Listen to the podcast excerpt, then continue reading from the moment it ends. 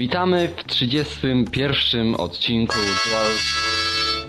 Oczywiście nie mogło zabraknąć harmoniki. W 31 odcinku DualShock Podcast. Witam się z wami Bizon. Odin. Blady.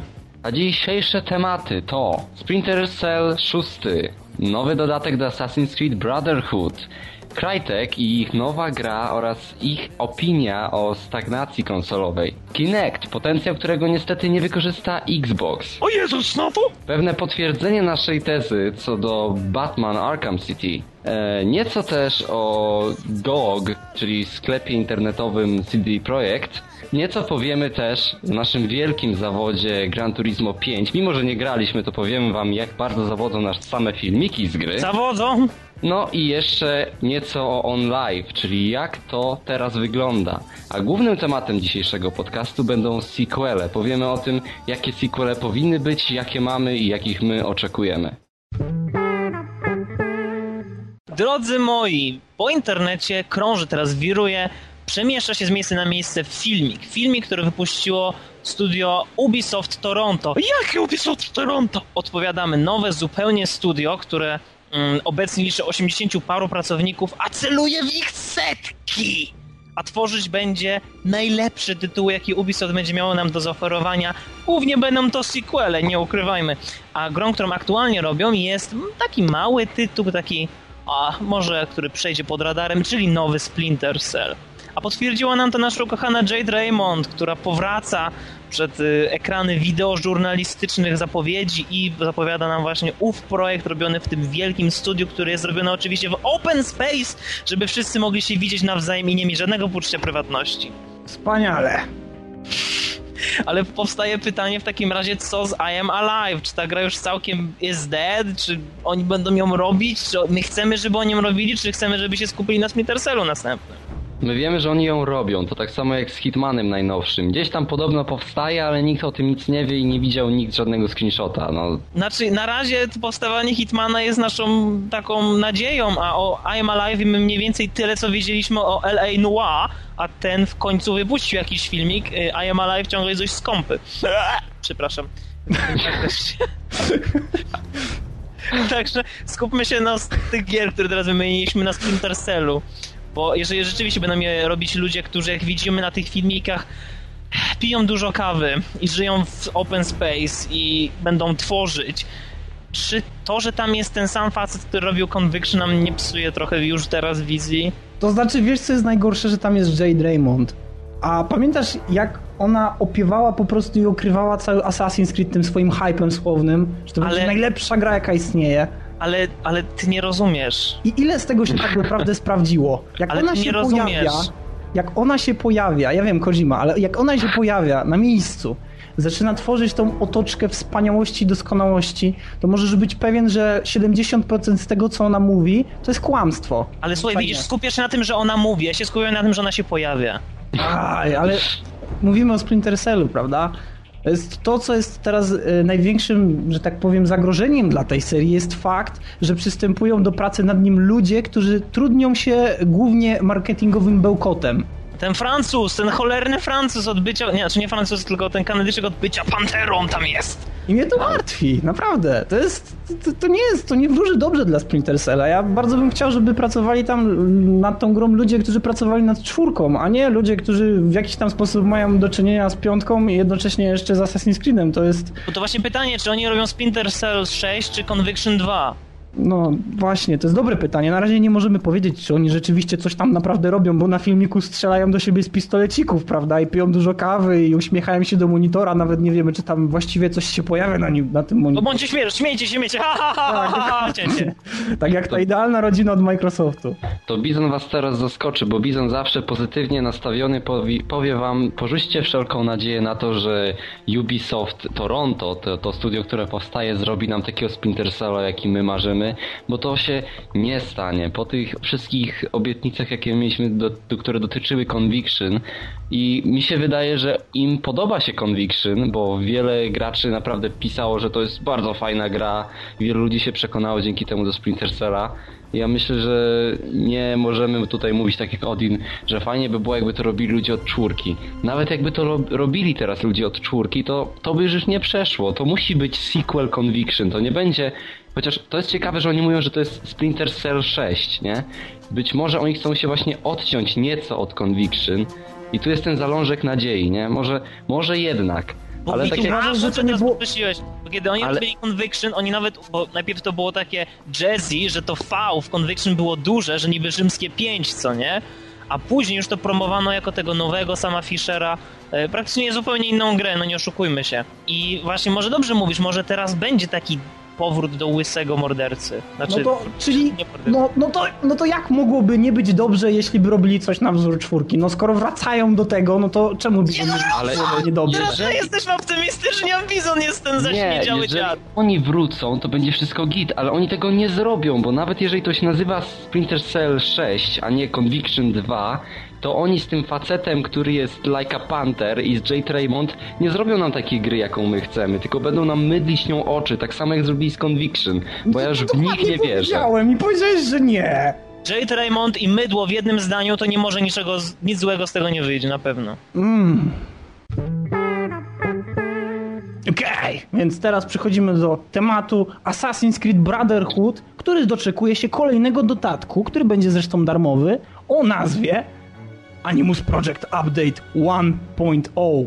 Zaskoczyłeś mnie! I teraz, czekaj, i teraz czego możemy się spodziewać po, po tym dodatku? Otóż, No. daje on nowy tryb do rozgrywki multiplayer, który się nazywa Advance Alliance. I teraz, jeśli ktoś miał z was kontakt z tym trybem multiplayer, wie, że w pewnym momencie gra robi się, że tak powiem, nudna z tego powodu, że za każdym razem ten wskaźnik, który informuje nas, jak blisko jesteśmy od naszego celu, informuje nas bezpośrednio, kiedy przy nim stoimy, tak, to jest ten twój cel. Po prostu zmienia się w takie okrągłe kółeczko, które świeci na niebiesko. Ty wiesz, że stoisz przy człowieku, którego musisz wyeliminować. Otóż ten tryb zmienia całkowicie rozgrywkę, dlatego że o wiele bardziej liczy się e, gameplay teamplayowy, ale jednocześnie ta informacja o tym człowieku, którego musisz wyeliminować jest o wiele, o wiele bardziej zubożona od tej, która teraz jest, więc doprowadzi to mniej więcej do tego, że ludzie naprawdę będą musieli się zastanawiać, kim jest ta osoba, którą mają wyeliminować i jednocześnie bardziej pilnować się na boki, na tyły, dlatego że nie będzie już tych informacji, które w normalnym trybie multiplayer są dostępne. Dlatego też będzie o wiele bardziej ciekawie i w sumie, rzecz biorąc e, z tego, co tutaj wyczytałem, na stronie Kotaku pisze, że dość duża część e, z rzeczy, które zostaną wprowadzone do tego trybu jest wyciągnięta z forum. E, otóż twórcy Assassin's Creed po prostu sprawdzili, czego gracze tak na dobrą sprawę potrzebują, co im doskwiera i postarali się to zrealizować, co w sumie jest całkiem fajne e, i tylko nastraja nas pozytywnie co do tej gry. Być może w przyszłości będziemy mogli się doczekiwać kolejnych ulepszeń tego trybu rozgrywki. Okej, dowiedzieliśmy się, że Crytek robi w swoim nowym studiu założonym w Seulu zupełnie nową grę zwącą się Warface. Warface będzie strzelaninką sieciową przeznaczoną na rynek koreański i co ciekawe, widocznie EA już teraz ma na tyle pieniędzy i pakuje w Crytek tyle kasy, że owy Warface będzie strzelaniną w, y, w, na podstawie free to play, czyli tak jak mamy Battlefield Heroes, będziemy mogli tę grę ściągnąć i grać nią zupełnie za darmo. Zapewne będziemy mieć jakąś tam dodatkową opłatę za dodatkową broń czy nowe skiny, ale dostajemy praktycznie darmową grę opartą na silniku CryEngine. Tylko, że martwi mnie wzmianka, że ona jest przeznaczona na rynek ten azjatycki. To znaczy, że co? Że Dlaczego na rynek Znaczy, azjatycki? Y, Mamy u nas w redakcji progamera, tak? Nie, nie bójmy się używać tego słowa. Mamy progamera FPS-ów. Blady, jak myślisz... Znaczy... nie, Odin, zdefiniuj nam rynek koreański. E, to bardziej StarCraft. No poważnie, jak, jak mówisz o Koreańczykach, to bardziej No to- myślisz o no Action ależ- per Minute i, i bardziej nie jakimś hardkorowym graniu w FPS-y, tylko bardziej o wielkich turniejach organizowanych przez stacje telewizyjne i przez całe centra handlowe, które skupiają powiedzmy 500 ludzi zorganizowanych w małych boksach, którzy grają między sobą w StarCrafta, w StarCrafta dwójkę. No dobra, ale spotkałeś się kiedyś z shooterami, w których grali Koreańczycy? Jak, jak może To być znaczy, shooter wiesz co, przeznaczony na rynek chodzi- koreański? Co Jeśli będzie chodzi o shootery koreańskie, to zwykle te pomysły wychodzące z Korei są strasznie toporne, bo ostatnio z rzeczy, które się pojawiły w internecie, to wiem, że Koreańczycy przygotowują sobie wersję Counter-Strike Online, która polega na tym, że sama gra jest darmowa, tylko wykupuje się bronię na okres 10 dni, 2 dni i po, po zakończeniu tego twojego, tej dzierżawy na broń, po prostu tej broni już nie możesz ani podnieść, ani z nią biegać, więc Myślicie, że jest jakiś związek pomiędzy tym niedawnym ostrzelaniem Korei Południowej z tym? Z promocją tej gry? nie. No comment. Ale zostając jeszcze przy Cryteku, e, cały szef Cryteka wypowiedział się ostatnio o tym, dlaczego no, nie, nie posuwamy się dalej z technologią w grach. I według Dlaczego niego... się nie posuwamy? Według niego teraz ta no, taka stagnacja, że cały czas wszystkie gry wyglądają praktycznie tak samo i nic nowego się nie dzieje, winą za to wszystko on obarcza konsole i to, że sami, patrzcie, sami tworzą teraz Crysisa na konsolę i sami też obarczają tą winą. A- Mówią, że teraz PC-ty prześcigają konsole już o bardzo dużo, są praktycznie jedną generację dalej od konsol, które teraz rządzą i można by było tworzyć gry, które by miały zupełnie nową jakość, ale nasze konsole, nasz poczciwy X360 i PS3 wstrzymują ten rozwój właśnie tym, że no, na konsole podobno gry się lepiej sprzedają i dlatego no, żeby Aha. tworzyć i sprzedawać i dalej zyskiwać pieniądze, musimy na nie tworzyć gry, więc nie możemy się rozwijać. Tak Oj, wy Crytek. biedni, biedni! Ale to by, się, to by się całkiem zgadzało z tym, co przeczytałem na Wikipedii wcześniej, jak rozmawialiśmy o Unrealu. Dlatego, że na Wikipedii, jak wejdziesz sobie w zakładkę Unreal Engine, no to tam jest napisane, że, że czwarta odsłona tego silnika jest już praktycznie skończona, ale y, przewidywana premiera tego silnika jest wyznaczona na rok 2012 z tego powodu, że konsole nie ogarniają takiego, takiego zaawansowania. Ale to nie można zrobić gry PC only jak Witcher. To znaczy, wiesz, to nie jest pytanie bardziej do nas, to bardziej do ludzi, którzy chcą zarabiać pieniądze, a rynek konsolowy mimo wszystko sprzedaje znacznie więcej gier niż PC-towe. Na PC Ale jeżeli decydujesz się robić grę tylko na PC-ty, to jaki problem zrobić ją jak najładniejszą?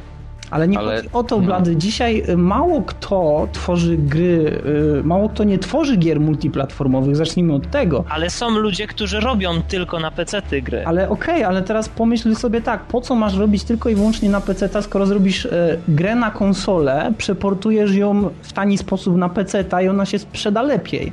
Dlatego, że Słonko. będzie dostępna multiplatformowo.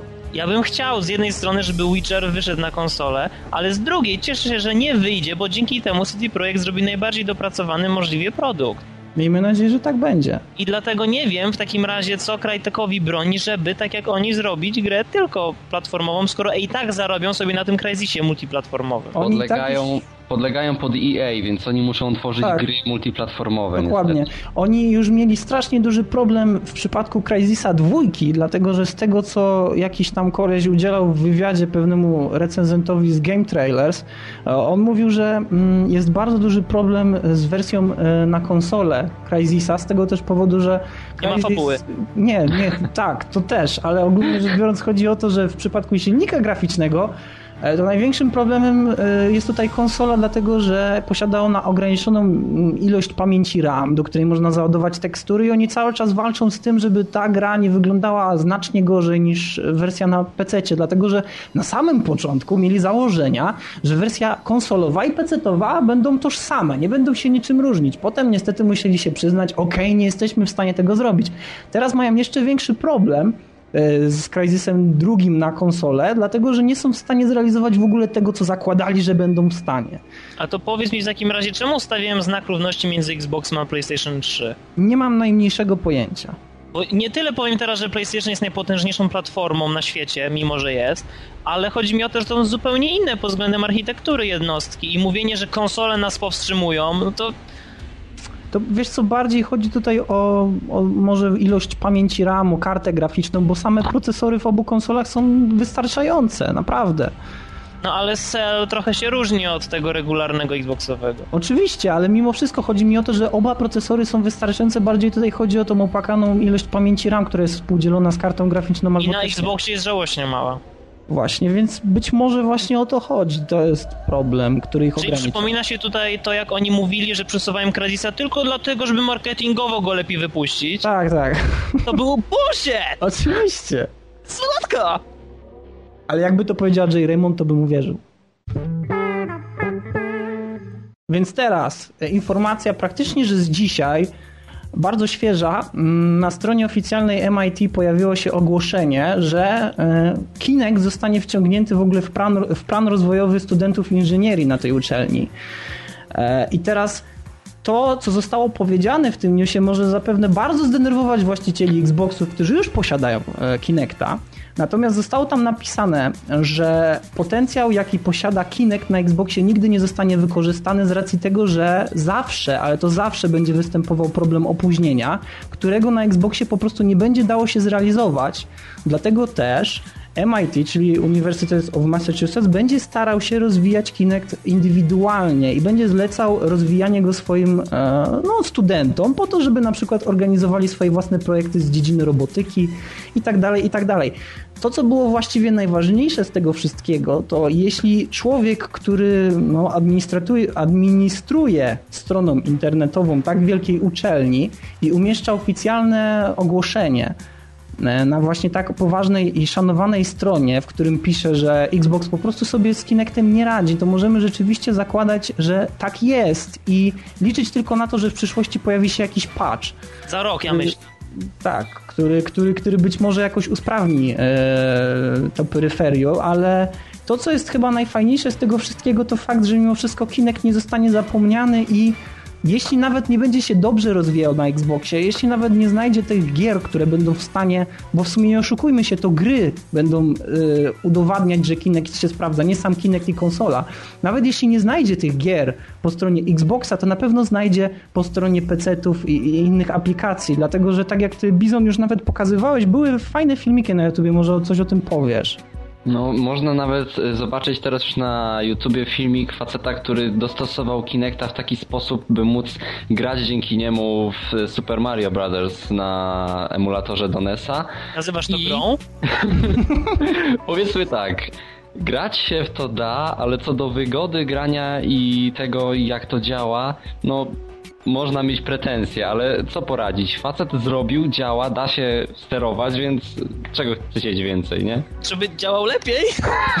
Myślę, że Odin może załączy ten filmik do tego, do newsa, bo tam widać, że jest, jest w tym pewien potencjał, bo nawet jak ten facecik robi małe kroczki, to Mario robi jeden mały kroczek, więc jest jakiś tam sposób reakcji na to, jest opóźnienie, ale może da radę to rozwinąć. Dodajmy, Tak że na MacBooku Pro z czterordzeniowym procesorem 3,7 GHz Ale tak jak Odin mówi, jeżeli da się tą technologię komuś, kto będzie ją rozwijał i na sprzęcie, który wyciśnie potencjał z danego sprzętu, no to dlaczego nie? My nie jesteśmy, nie myślcie wszyscy słuchacze, którzy teraz słuchacie tego podcastu, nie myślcie, że my jesteśmy anty-Kinect, bo my wiemy, Ale że ciągle o nim mówimy krytycznie.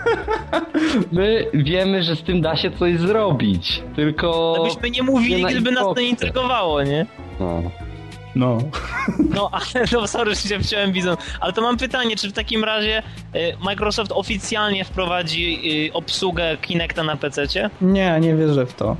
A jeżeli będzie widzieć, jak wielki potencjał jest w stanie wycisnąć ów peryferał na y, PC-tach na Massachusetts University of Technology, nie pomyślą, kurde, nie ma co się z tym, że tak powiem, dalej okłamywać, trzeba po prostu powiedzieć, ok, wypuszczamy to na PC-ty. Pieniądze.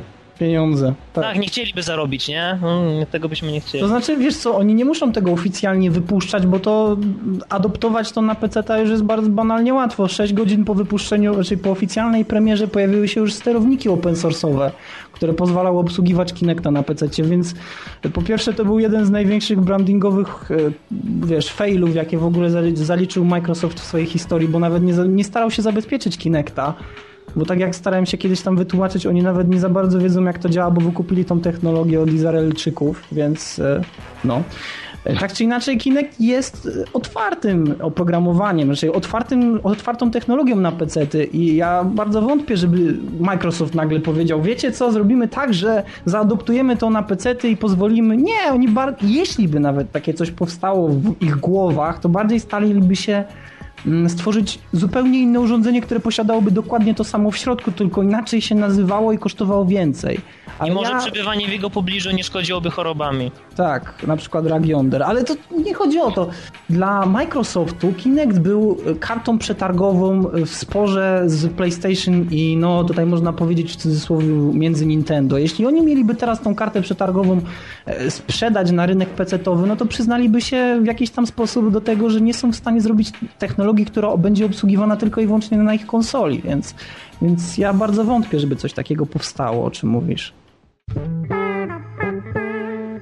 Okej. Okay. Omawiając parę podcastów temu pierwsze zapowiedzi Arkham City, wspominaliśmy o tym, że może będzie w grze Batmobile. To były tylko nasze takie gdybania i my powiedzieliśmy sobie, może będzie, raczej nie, no bo na silniku Unreal'a jednak prowadzić e, jakiś Batmobile musiałaby być jakaś zupełnie nowa sekcja stworzona i zapewne byłoby to doklejone na siłę. I dzisiaj już wiemy oficjalnie, wypowiedział się pan Sefton Hill z Rocksteady, że na pewno Batmobilu nie będzie w Arkham City i nie będzie również żadnych innych pojazdów. Jedyny pojazd, jakim będziemy się posługiwać, jest to ogromny Batman. Czyli czołg w, w formie. No i zresztą tak wygląda jak czołg. Mnie to smuci, wiesz, bo jeżeli oni mówią, oh, ponieważ no Batman jest jedynym, ludzie chcieliby Batmobilu, naprawdę, ludzie narzekali już przy okazji jedynki, że ten Batmobil był sprowadzony do roli skrzynki, z której ty wyjmowałeś tam jedno urządzenie i później ów Batmobil rzucałeś do rzeki. I naprawdę myślałem, samo umiejscowienie tego w mieście wręcz błagało o to, żebyśmy się między lokacjami przemieszczali samodzielnie w Batmobilu. Ale Rocksteady to jest mała firma. To jest y, chyba 40, 40 osób robiło Batmana w początkowym stadium i naprawdę nie sądziłem, że e, nie uda im się wysupłać dodatkowych osób do zrobienia sekcji pojazdów, a naprawdę tak się robi w tym biznesie, że na przykład kiedy e, powstawał James Bond Everything or Nothing na PlayStation 2, e, on też miał sekcję pojazdów i żeby nie odciągać uwagi głównej ekipy, która robiła tą stealth, TPP, elementy pełne akcji mm, fabularne, druga ekipa, która odpowiadała bodaj za Project Gotham Racing, robiła wyłącznie sekcję pojazdów na oddzielnym e, jakby oddzielnej modyfikacji tego głównego silnika. Później te części zostały sobą połączone i powstała jedna zgrabna gra, więc dziwi mnie, że IDOS nie wymusiło na Rocksteady takich właśnie sekcji pojazdów, bo to aż się prosi. Ale ja ci powiem inaczej też, sorry Odin, że ci się wciąłem. Gdyby gra miała zupełnie nowy silnik na architekturze zbliżonej na przykład do tej z Assassin's Creed, że mielibyśmy otwarte miasto, czego na pewno nie będzie na silniku Unreal'a, to wtedy ten Batmobil byłby jeszcze bardziej sensowny. A teraz jeżeli my wiemy, bo my wiemy, tak? Nie ma tego nigdzie napisane, ale my jako ci podcasterzy, wspaniali recenzenci i wspaniali redaktorzy wiemy, że nie będzie tutaj otwartego miasta na silniku Unreal'a, więc... Dobrze. Myślę, że dlatego te sekcje pojazdowe byłyby takie upchane trochę na siłę w tą grę. Yy, pościg za ciężarówką, z której Joker rzuca laskami dynamitu w okna niewinnych ludzi. Ale Blady, jest jedna rzecz, o której wy zapominacie. E, żeby zrobić sekcję, w której kierujesz pojazdem, trzeba by było napisać a, no, że tak powiem, silnik fizyczny i ten silnik, który obsłużyłby prowadzenie pojazdu. A jak udowodniła pewna firma, która pracowała 6 lat nad jednym tytułem, jest to bardzo ciężko zrobić. o Gran Turismo będziemy za chwilę mówić. Mój ty drogi Odinie! Yes. Ale o, jak radiowo było teraz? Niemniej, yy, tak, ja nie chciałbym, żeby Rocksteady odciągano od robienia tej perfekcji, którym był gameplay w Arkham Asylum i mamy nadzieję powtórzą w Arkham City. Niech oni to robią, ale czemu nie powierzono temu innemu studiu? Tę pogoń za, e, pogoń Batmobilem po torach e, metra, kiedy gonimy wypełniony dynamitem pociąg, który ma uderzyć w poprowadzony nowymi torami e, do ratusza! Normalnie do ratusza jedzie ten pociąg i my go ścigamy. To są scenariusze, które wymyślam na poczekaniu, a naprawdę mogłyby być dobre. Nawet Batman by nie musiał jednego zdania w nich powiedzieć, oprócz Joker, this is where it ends. Oj, wyobraziłem sobie teraz Marka, Boże, Ironside'a, który udziela głosu Batmana, oj. Where, where's the train going? I will drive you, Batmobile. Nie, Musi być. Oni powinni zrobić. A, DLC, no tak.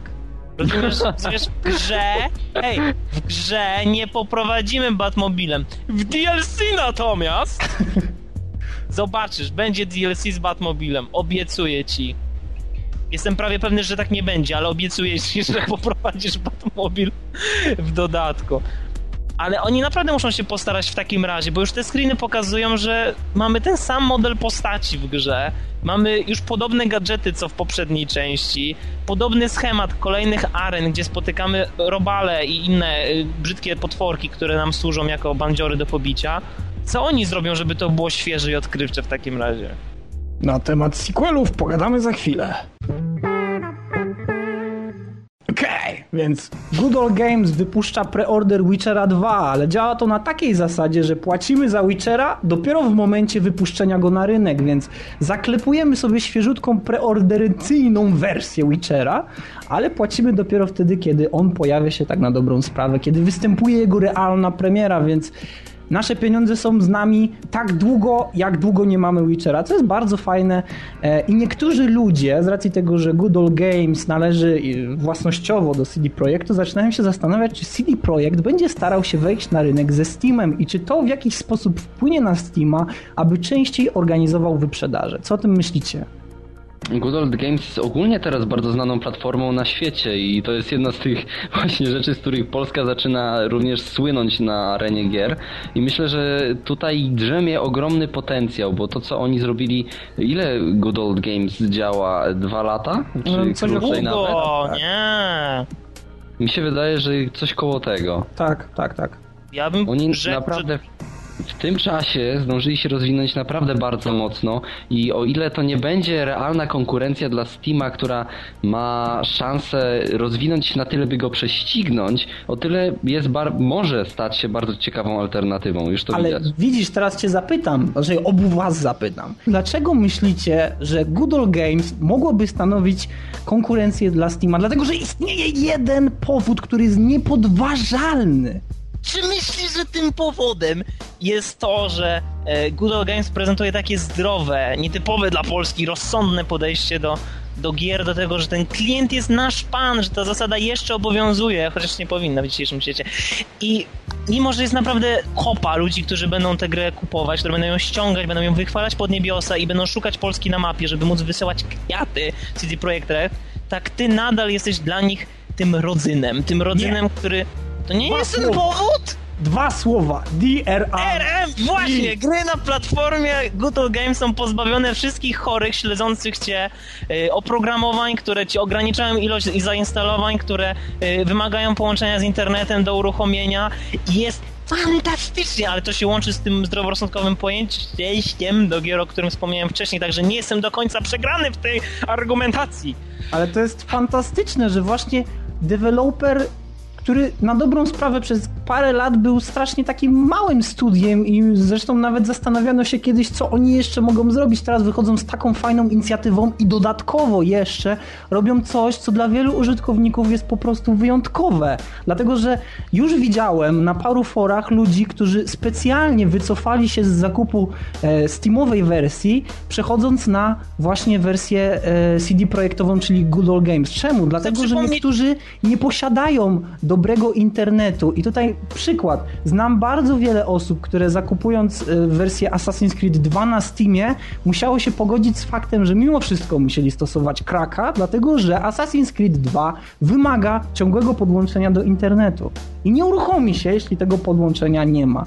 Natomiast gdyby to w ogóle zostało wydane na platformie Google Games, jestem w stanie się założyć, że takiego ograniczenia nie posiadałoby, więc to jest ogromny plus i ja myślę, że naprawdę istnieje bardzo duża szansa, że Good Old Games wejdzie w jakiś sposób w szaranki ze Steamem, nawet jeśli nie prezentują gier, które są najnowsze, dlatego że rzeczywiście ta ich biblioteka głównie skupia starsze tytuły, to Jak mimo mówi wszystko... jeśli- nazwa sama. tak, ale mimo wszystko, jeśli będą w stanie zainwestować trochę więcej pieniędzy, bardziej się rozpromować, istnieje naprawdę ogromna ilość użytkowników, którzy aktualnie bardziej interesują się starszymi tytułami, a nawet jeśli to w jakiś sposób będzie to w stanie rozwinąć tego dewelopera, rozwinąć tą stronę, i sprowadzić ich do takiego potentatu, jaki być może ma Steam. Być może, bo nie jestem pewien, ale mimo wszystko taka szansa zawsze istnieje. Ale powiedz mi, moja Karabelo, czy to nie jest przypadkiem jeszcze tak, że jak kupisz grę na Steamie, to jeszcze musisz czekać na jej premierę, żeby ją ściągnąć, ty ją ściągasz i już masz ją ściągniętą, ale jeszcze nie możesz w nią grać? Otóż tak jest, mój Karmelu. Nazywam cię Karabelą. A ja ci Karmelem. Doskonale, pasujemy do siebie jak orzech i marchew. Dobrze, kontynuuj. Bizon. Bizon się wypowiedział. Ja, ja się zgadzam w zupełności z tym, co wy powiedzieliście. Ale dla równowagi powinieneś nas zbesztać. Tak. Jesteście źli!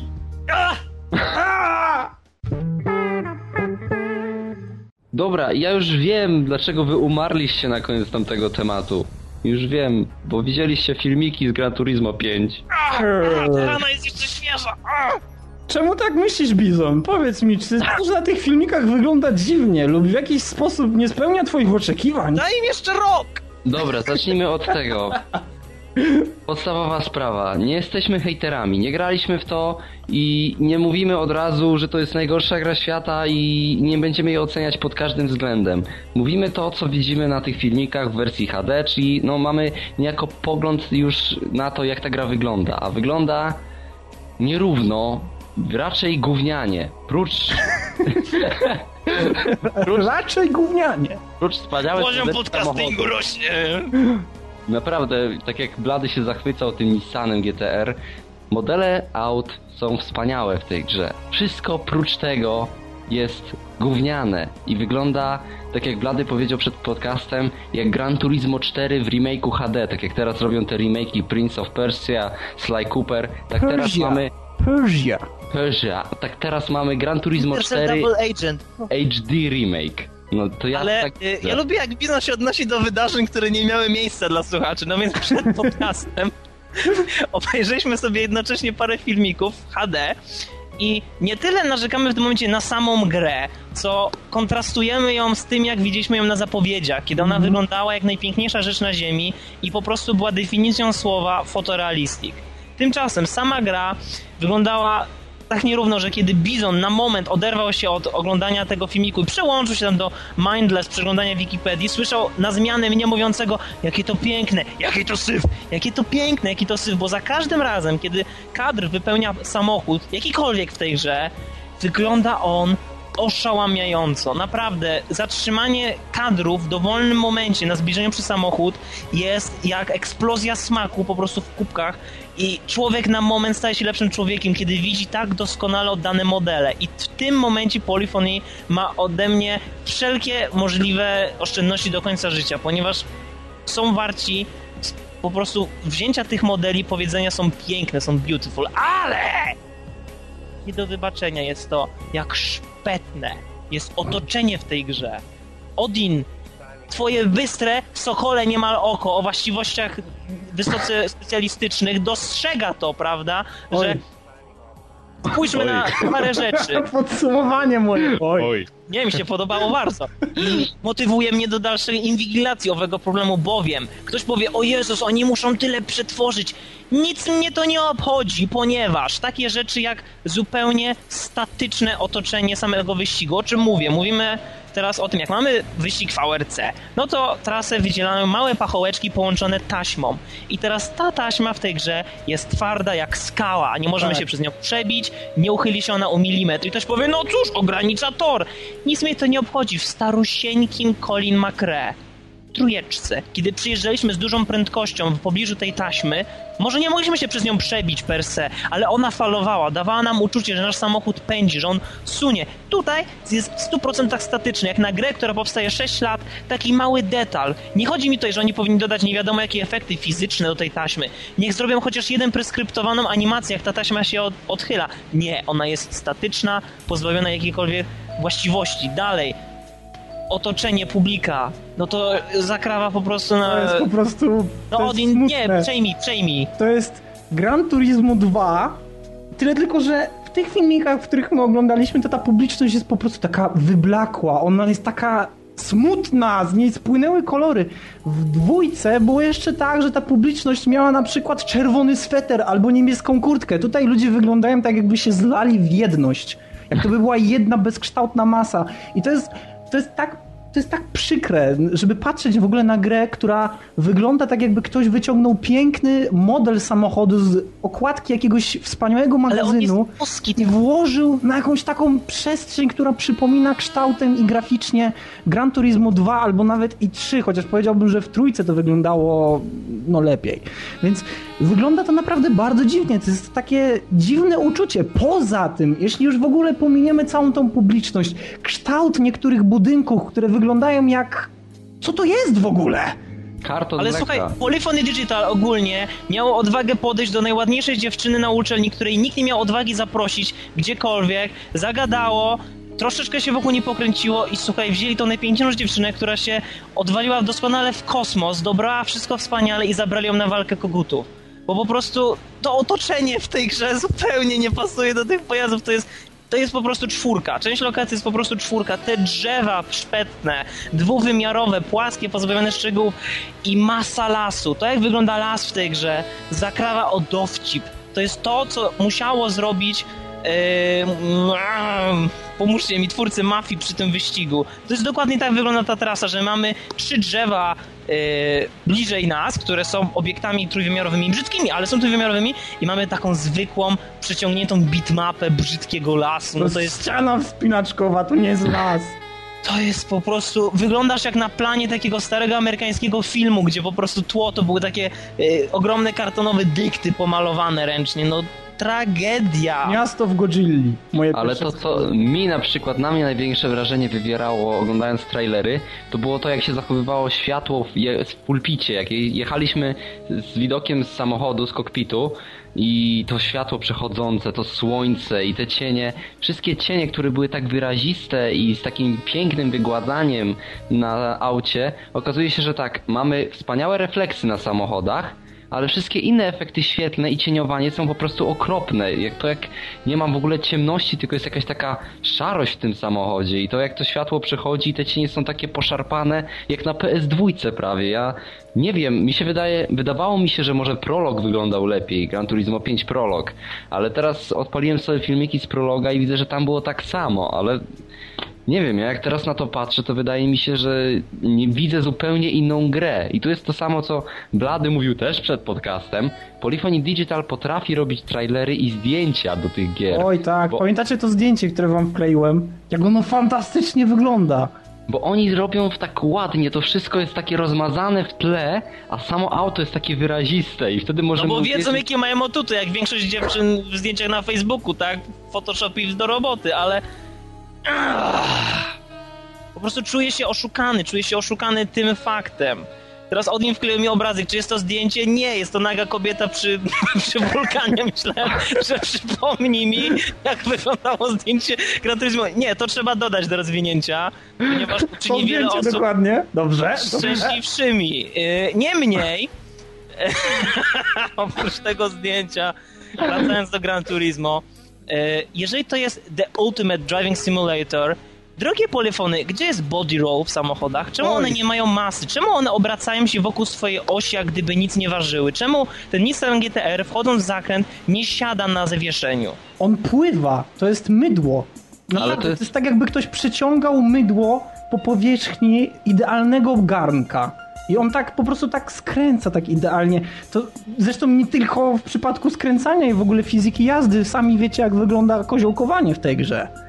No ale to, to Jeżeli jest ktoś też... nie widział, koniecznie niech rusza na Game Trailers i zobaczy filmik, gdzie jest pokazana wywrotka, bo po pierwsze warto zobaczyć ten filmik dlatego, żeby zobaczyć jak doskonały model samochodu tam jest, starusieńkiej korwety, perełki motoryzacji, naprawdę przyznać jest śliczna. Tak, Mhm. jest piękna naprawdę. I jest umiejscowiona na torze, e, ja nie pamiętam jak on się nazywa, oczywiście kiedyś pamiętałem, i mamy te obrzydliwe drzewa w tle, jeszcze możemy jakoś to wytrzymać, mamy tą obrzydliwą publiczność, nieważne, dochodzi do wywrotki.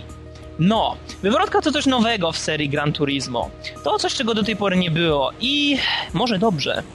Ponieważ to, jak ta wywrotka wygląda, to jest tragikomiczne. Pojazd obraca się, jakbyśmy grali na cheatach, na wyłączenie uszkodzeń, obraca się wokół swojej osi i kontynuuje jazdę, jak gdyby nic. Żadnej reakcji na postaci kierowcy, żadnej, nul, nada. Ale ja się zastanawiam, co oni robili przez te 6 lat, bo to jest tak. Mamy tam ileś tysięcy samochodów I to jest chyba to, co oni robili przez te wszystkie lata, bo trasy się nie zmieniają, model jazdy jest równie statyczny i tępy jak w Gran Turismo 4.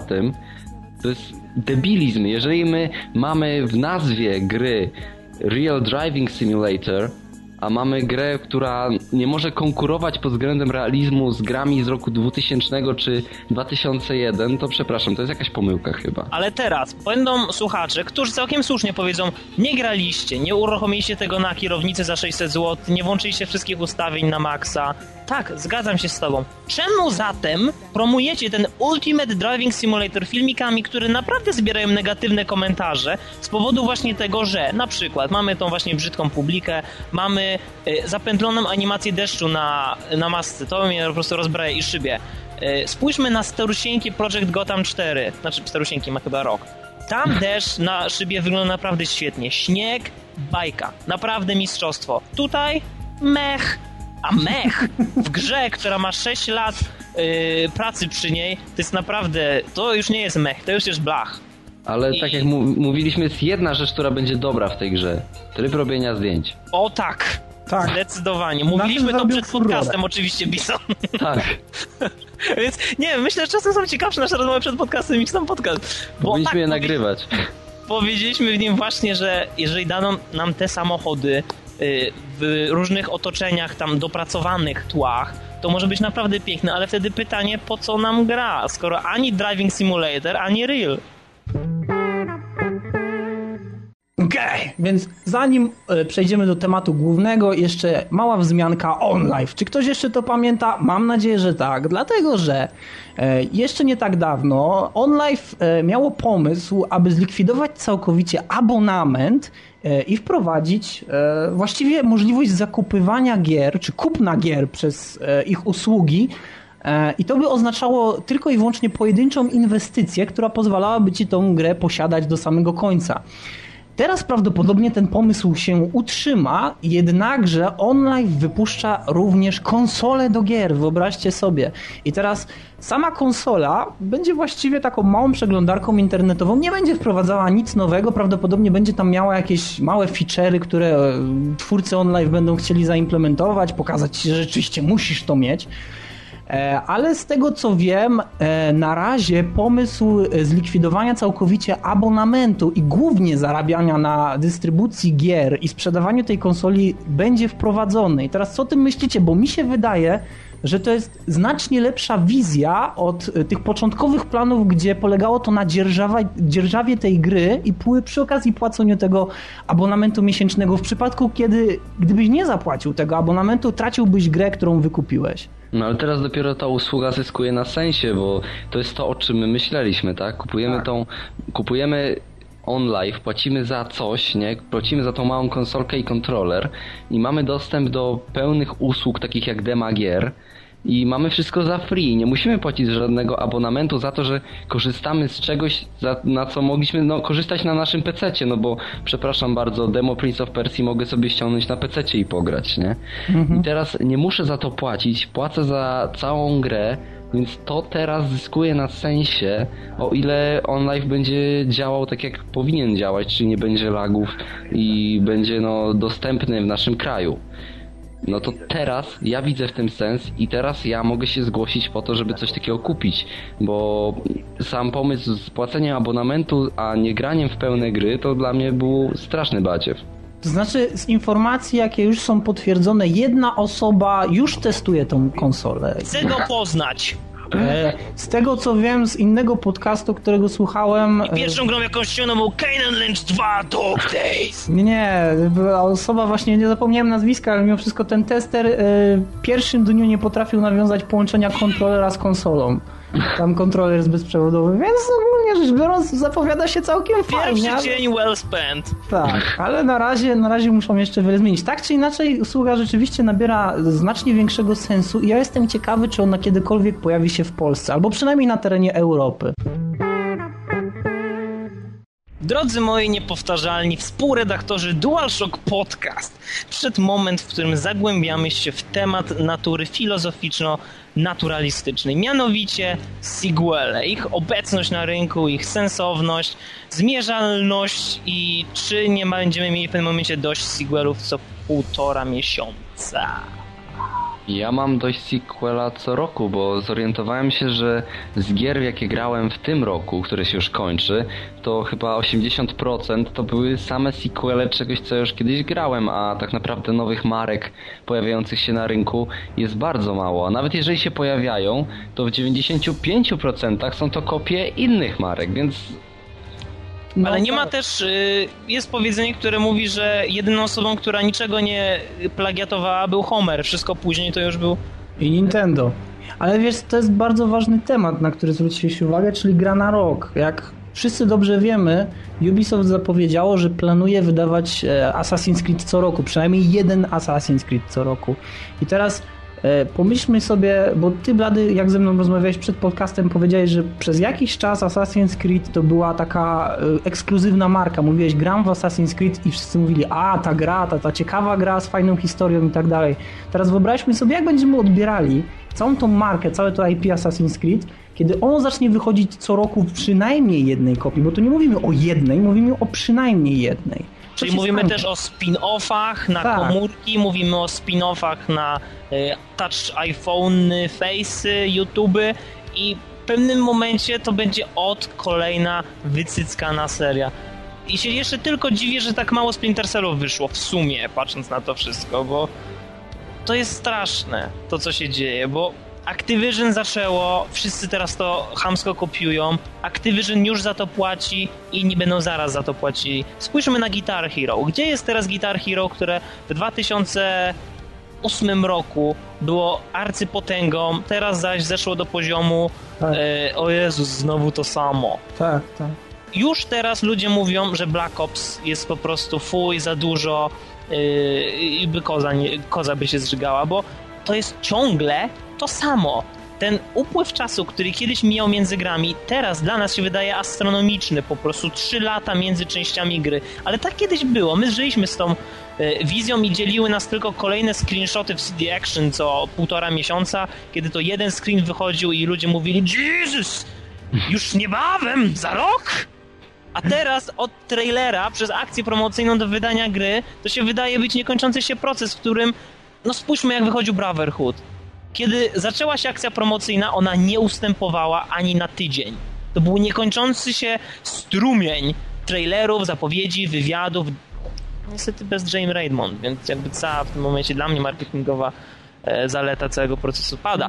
Ale ludzie są przesyceni tym. Naprawdę już mamy tego dość, więc ja wiem, że teraz mam nadzieję, że Ubisoft nas podsłuchuje, to raz, bo chcę, żeby przestali z tą kampanią, a dwa, Jade, czekam na telefon.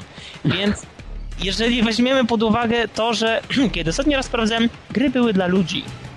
Wiecie, że e, był taki pan, Kotik, w Activision, który bardzo, bardzo, bardzo chciał nam powiedzieć, że gry to tylko towar. I hmm, DJ Hero, powodzenia, świetnie się sprzedał. Guitar Hero zdycha. Tony Hawk nie istnieje. To są wszystko marki, które naprawdę wspaniale zaczęły. Ja wam muszę przypominać, czym był Tony Hawk 2. A czym był Tony Hawk 3 jeszcze dodatkowo? Czym był Tony Hawk 1? Chciałem powiedzieć, był naprawdę grą wyjątkową, na którą warto było czekać, że jej wyjście coś znaczyło, co było czymś yy, wyczekiwanym. To był moment, w którym ty mówiłeś, jest, czuję się zadowolony, że gra, którą kiedyś yy, kupiłem, której poświęciłem czas i której yy, z którą mam związane wiele wspaniałych wspomnień, teraz się doczekała sequela. Teraz doczeka się sequela, to jest tak oczywiste, jak wydać DLC. No tak, i jeszcze to, o czym powiedziałeś wcześniej, jeśli chodzi o Call of Duty, Przypomnijmy sobie wszyscy historię w ogóle studia Infinity Ward i co się z nim stało. Dlatego, że oficjalna wieść niesie w internecie, że ogólnie rzecz biorąc Activision wywierał tak duży nacisk na Infinity Ward i Infinity Ward tak bardzo się zapożyczyło, że w pewnym momencie po prostu nie byli w stanie zrealizować swoich obietnic, a jednocześnie byli winni taką kupę pieniędzy, że nie byli w stanie się spłacić.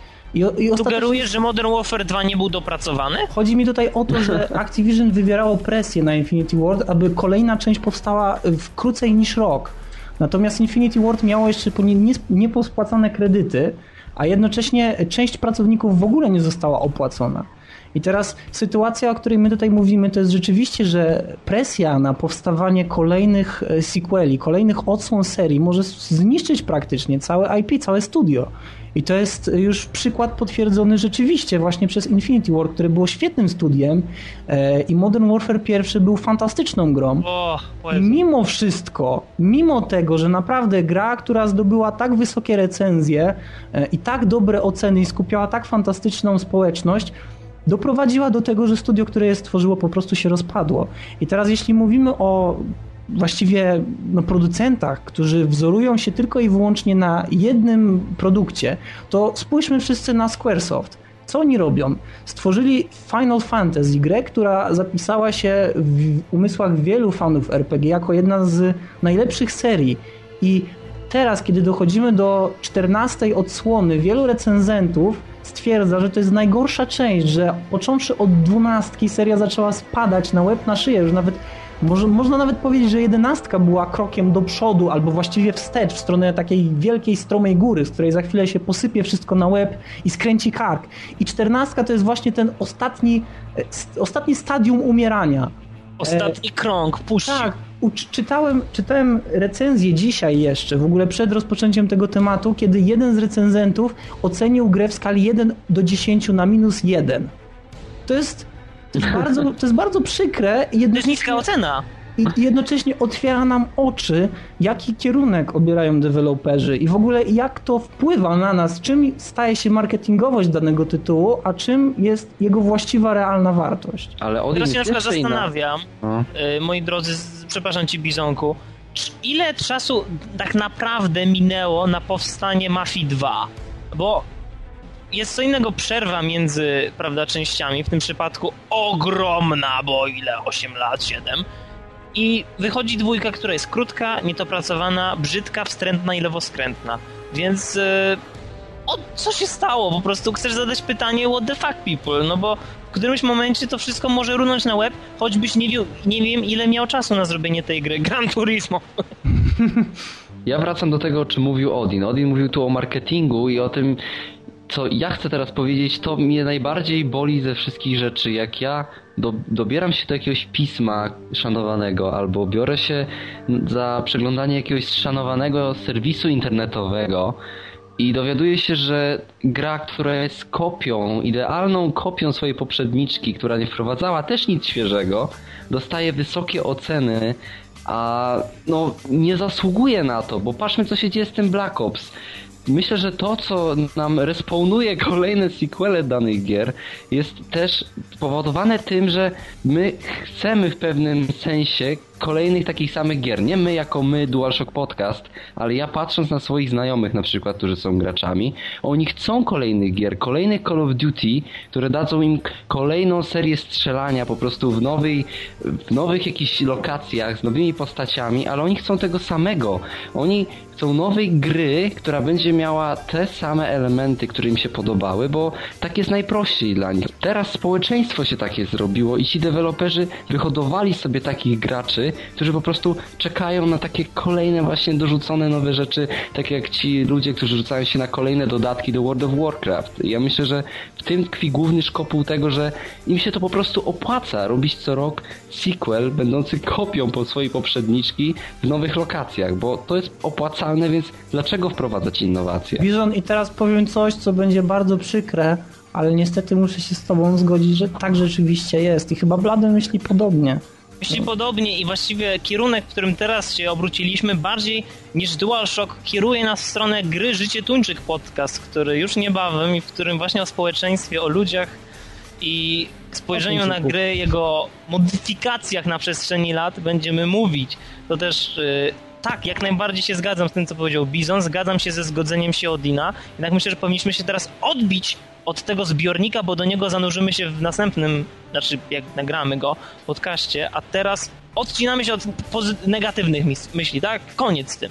Otrząsnąć się. Żołnierze, było wiele dobrych sequeli i nigdy się nie zgodzę z tym, co ludzie mówią, że oryginał zawsze najlepszy, ponieważ nie jest to prawda. Istnieje wiele gier, których sequele były lepsze niż części pierwsze. Ma, ma, No, ma.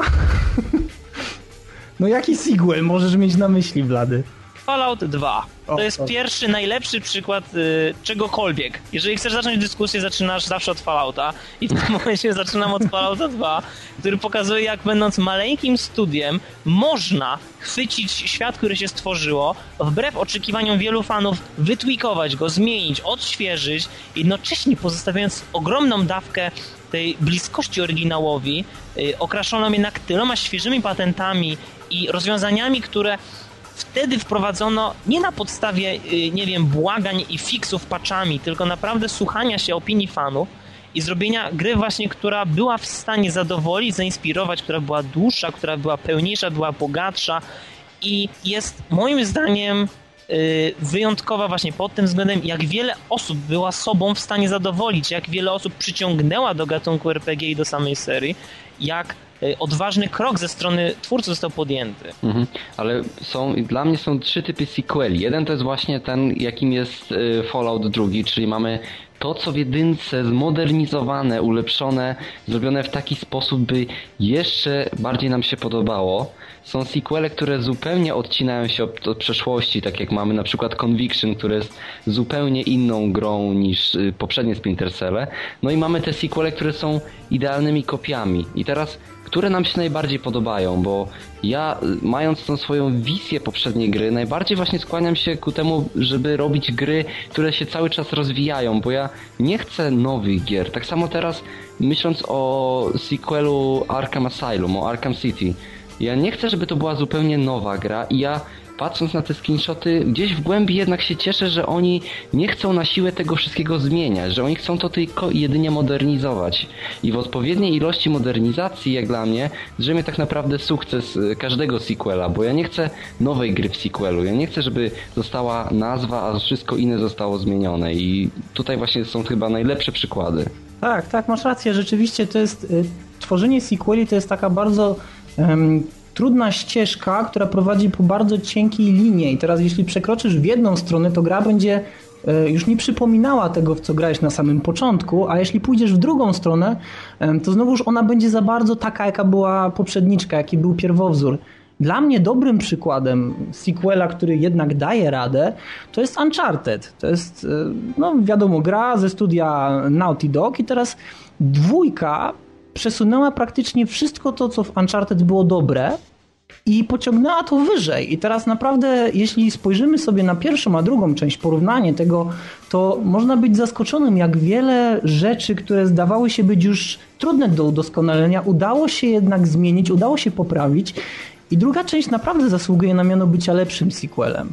To, co było dobre w jedynce, zostało ulepszone w dwójce. Jeśli już mamy szukać takiego całkowicie przypadko, nieprzypadkowego przykładu, powiedzmy sobie o Broken Sword. Broken Sword, który do drugiej części, czyli Smoking Mirror, był naprawdę sequelem świetnym i pociągnął tą historię znacznie lepiej niż, niż kolejne części.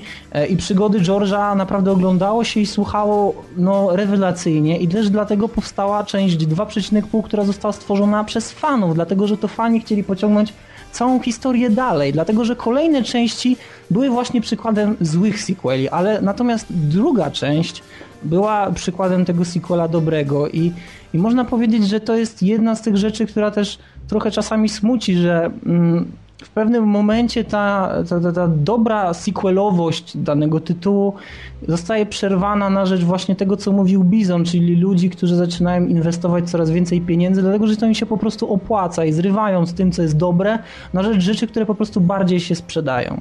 Ale się- powiedzmy o ciekawym no. patencie, czyli na przykład Prince of Persia. To, co oni robili, Persia. że oni trzy oddzielne sagi tak naprawdę. Dzięki temu są w stanie jakby utrzymać markę, poniekąd klimat, ale mogą wprowadzać inny gameplay. I ja uważam, to jest dość sprytny zabieg z ich strony.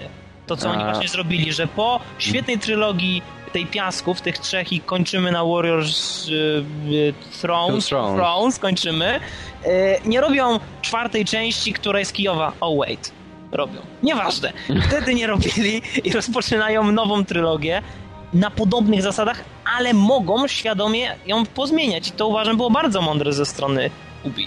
Tak. No to dla mnie najwspanialsze sequele to są te tak naprawdę, które są między generacjami, bo to, co przynosi tą zupełnie świeżość, tak jak mieliśmy e, przejście, o czym już mówiliśmy w Spoiler Alert, przejście z, z Metal Gear Solid do Metal Gear Solid 2, po prostu dodanie wszystkich rzeczy, które są teraz nowum, dojście do tego, że zrobimy coś zupełnie nowego, ale będzie miało to ten no, związek z pierwszą częścią, także łapiesz za kontroler i wiesz, co masz robić dokładnie, ale dopycham do tego masę nowych rzeczy.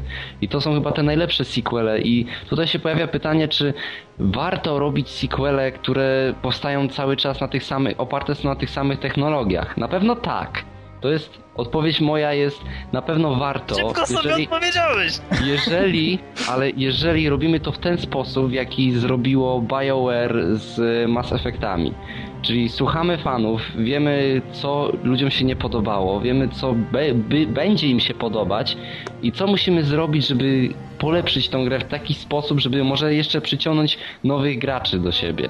Bo na przykład y, słyszeliśmy, tak, będzie wychodzić Brotherhood i Brotherhood będzie takim, no Assassin's Creed 2,5, ale będzie masa nowych rzeczy i to się będzie zupełnie inaczej grało, bla bla. Skończyło się na tym, że no to jest Assassin's Creed 2 z jedną nową funkcją w singlu, jeżeli chodzi o single, bo o multiplayerze się nie wypowiadamy w funkcjach sequela chyba jak na razie, nie?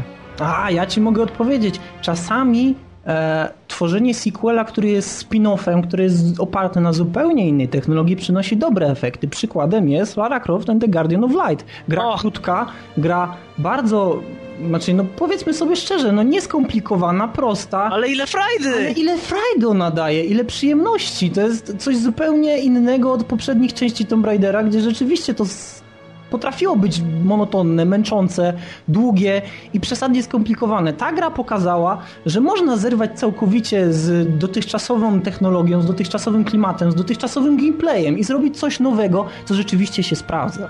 Ale możemy też w tej grze zobaczyć takie elementy właśnie jak przygodowość przygód Lary, ten y, jakieś mistyczne zdolności potwory z równoległych światów. Mamy dwa gnaty, mamy y, no dwa, dwie, mamy Larę Croft, więc naprawdę utrzymujemy klimat jednocześnie będąc ciekawym. I teraz zapytacie mnie na pewno, Blady, jakiego ty chcesz Mass Effecta trzeciego? A ja wam odpowiem, nie wiem. Waham się, chciałbym, ale boję się, bo o ile ten gameplay w dwójce dla mnie, no był dość dobry, skoro przyszedłem grę te tam 7-8 razy, ale z pewnej strony, nie wiem która, ale z pewnej strony chciałbym, żeby BioWare odważyło się i zrobiło znowu, znowu wywaliło wszystko za okno i przejrzało wszystkie notatki i zrobiło to od zera w oparciu o ich i ludzi pomysły. Także czuję, że tak nie będzie, ale byłoby miło z ich strony, gdyby się odważyli coś takiego zrobić. Okej, no to pozwólcie, że ja to podsumuję teraz. Yy, powiedzmy teraz bardzo szczerze, teraz gry to już nie jest. To już nie jest taka sztuka jak kiedyś. Teraz gra to jest produkt przede wszystkim, który ma się sprzedać, a jeżeli mówimy o tytułach, które są bardzo ambitne, to zazwyczaj powstają w małych studiach, patrz Amnesia Dark Descent, tak? I bardzo nam szkoda, że sequele powstają tak jak powstają i nasza gadka teraz nic nie zmieni. Jedyne na co możemy mieć Ubisoft nadzieję... nas słucha! Jedyne na co możemy mieć nadzieję teraz, bo mówiliśmy dzisiaj na przykład o no, nowym Splinter Cellu, że ludzie będą robić gry przynajmniej oparte o nową technologię, że to nie będą kolejne kalki tych samych rozwiązań, tak jak mamy w Call of Duty, bo my mamy już tego dość i nie życzymy sobie takich rzeczy. Stapy! Tak, to tyle, co Bizonek ma do powiedzenia w tym podsumowaniu i macie coś do dodania? pod czym się swymi raciczkami z wielką ochoczą podpyszuję. Czas się pożegnać. No to żegn żegnamy się z wami, żegna się z wami Bizon. Oraz Odin. I blady! I czekajcie na Gry Życie Tuńczyk podcast. It will be awesome! As hell.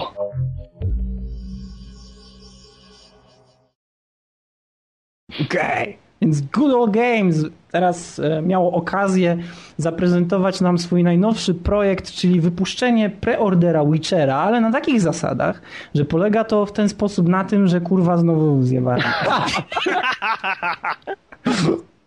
Polega to na tym, iż aczkolwiek doprawdy dochodzi do tego, że jest wtedy natomiast następuje. A taki jeszcze kawał a propos Batmana, nie wiem czy słyszeliście. Wiecie co mówi Batman do Robina jak chce, żeby Robin wsiadł do Batmobilu? Nie. Wsiadaj Robin. A wiesz, co mówi żydowski pedofil do dziecka? Chcesz No. kupić cukierka?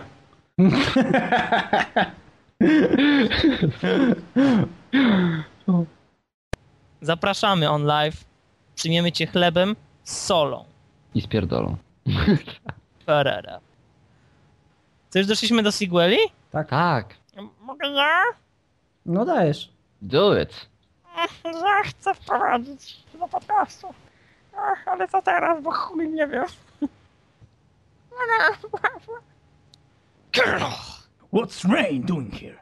It's raining, As hell. but in a very specific way.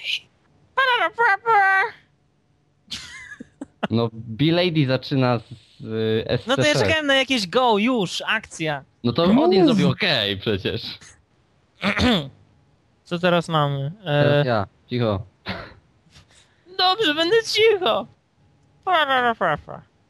Wyjątkowe jak na Polskę, zdroworozsądkowe podejście do gier e, i podejście takie dość indywidualne do klienta, bo ty jesteś jednym z tych tysięcy milionów, które zamówią Witchera, który się stanie najczęściej roz... Kurwa chuj. Widzę, że to się rozmnaża. Nawet nie wiem od którego momentu to miało jeszcze sens. Czekaj, nagramy to jeszcze raz. Tak że... Dobra, od, od gudugu. Dobra. I właśnie, i teraz zapytam was obydwoje. Jak myślicie, Obydwu. dlaczego? Kurwa, no ob- właśnie tak się zastanawiałem w momencie, jak to powiem. Mamy wpadkę na koniec, fantastycznie. Temat, znaczy obrazek na rozluźnienie, jedziemy dalej. Czekaj, obrazek. Ale ten obrazek z tym, z tym murzynem jest piękny, kurwa. Ale temu, słuchaj, gdyby nie Murzyn, nie, to miałbym co robić cały wieczór, ale tak. To... Smutne, smutne oczywiście, nie mogło zabraknąć harmoniki.